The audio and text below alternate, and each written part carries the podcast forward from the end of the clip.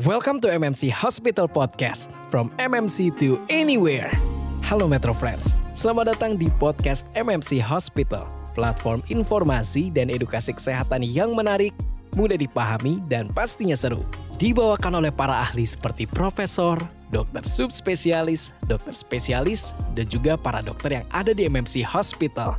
MMC Hospital Podcast hadir sebagai media yang kredibel serta faktual. Tidak hanya itu, kita juga akan mengundang para influencer untuk berkolaborasi dengan para expert kami. Pada episode ke-6 MMC Hospital Podcast, dokter spesialis kulit dan kelamin MMC Hospital, Profesor Dr. Dr. Retno Widowati Subaryo, akan membahas mengenai cara mencegah dan menangani permasalahan kulit selama menjalankan protokol kesehatan di masa pandemi. Yuk kita dengerin!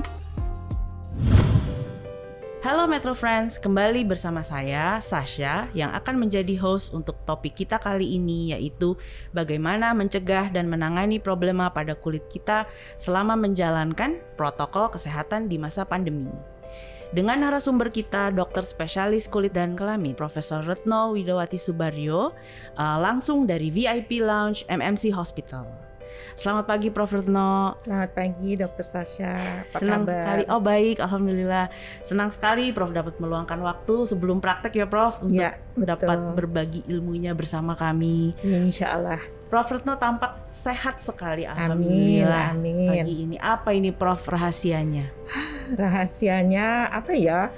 Kayaknya tertawa aja deh Mbak. Oh, iya. Dan barangkali menerima aja apa Benar. yang terjadi Benar. gitu. Jadi Menyesuaikan menyesuaikan dengan apa yang terjadi saja Oh, sudah. benar. selalu jangan lupa berbahagia ya Prof Amin. dan selalu mensyukuri apa yang ada ya Prof. Ya Baik, pasti. baik. Amin. Prof, selama masa pandemi ini kan kita mematuhi protokol kesehatan. Tuh Nah, harus itu Mbak. Benar, sesuai arahan Kemenkes dan WHO, Hmm. uh, yaitu menjalankan 3M, Hmm. memakai masker, mencuci tangan, dan menjaga jarak. Tuh. Nah, terutama bagi para pekerja yang terus-terusan memakai masker, seperti tenaga kesehatan. Eh, sering kali karena memakai masker dalam waktu yang sangat lama dengan frekuensi yang tinggi, timbul jerawat. Nah, dan banyak juga pasti Metro Friends yang mengalami kulit kering karena rajin mencuci tangan. Dengan yang tiap kali itu kan sesuai anjuran selama 20 detik ya Prof, sesuai anjuran. Nah, bagaimana menurut Prof mengenai hal ini? Silakan Prof. Baik, terima kasih sebetulnya. Baik, semua itu pasti ada segi baik dan segi tidak baiknya, apa pun. Jadi memang segi baiknya kita akan terlindungi terhadap infeksi COVID itu. Benar. Tapi tentunya kita juga harus memperhatikan eh, apa-apa yang mungkin terjadi dengan eh, pemakaian masker, dengan cuci tangan dan sebagainya. Barangkali saya mulai dengan pemakaian masker dulu Oh iya Prof, silakan.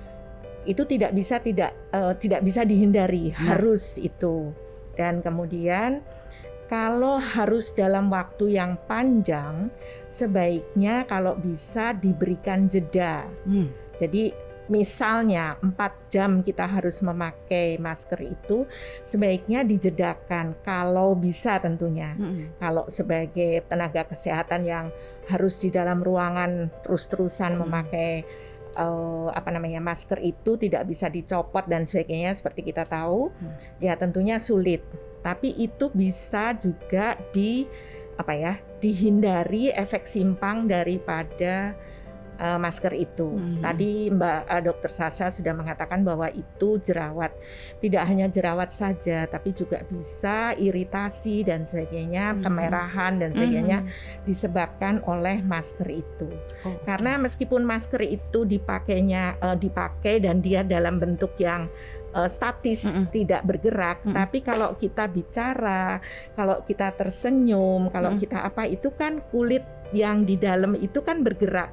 Iya ya terjadi Prof. ya, terjadi gesekan, Mm-mm. terjadi trauma sehingga bisa menimbulkan dampak yang kurang baik. Hmm, hmm, Salah satu yang bisa, yang mudah yang bisa dikerjakan adalah memakai pelembab. Oh, Oke.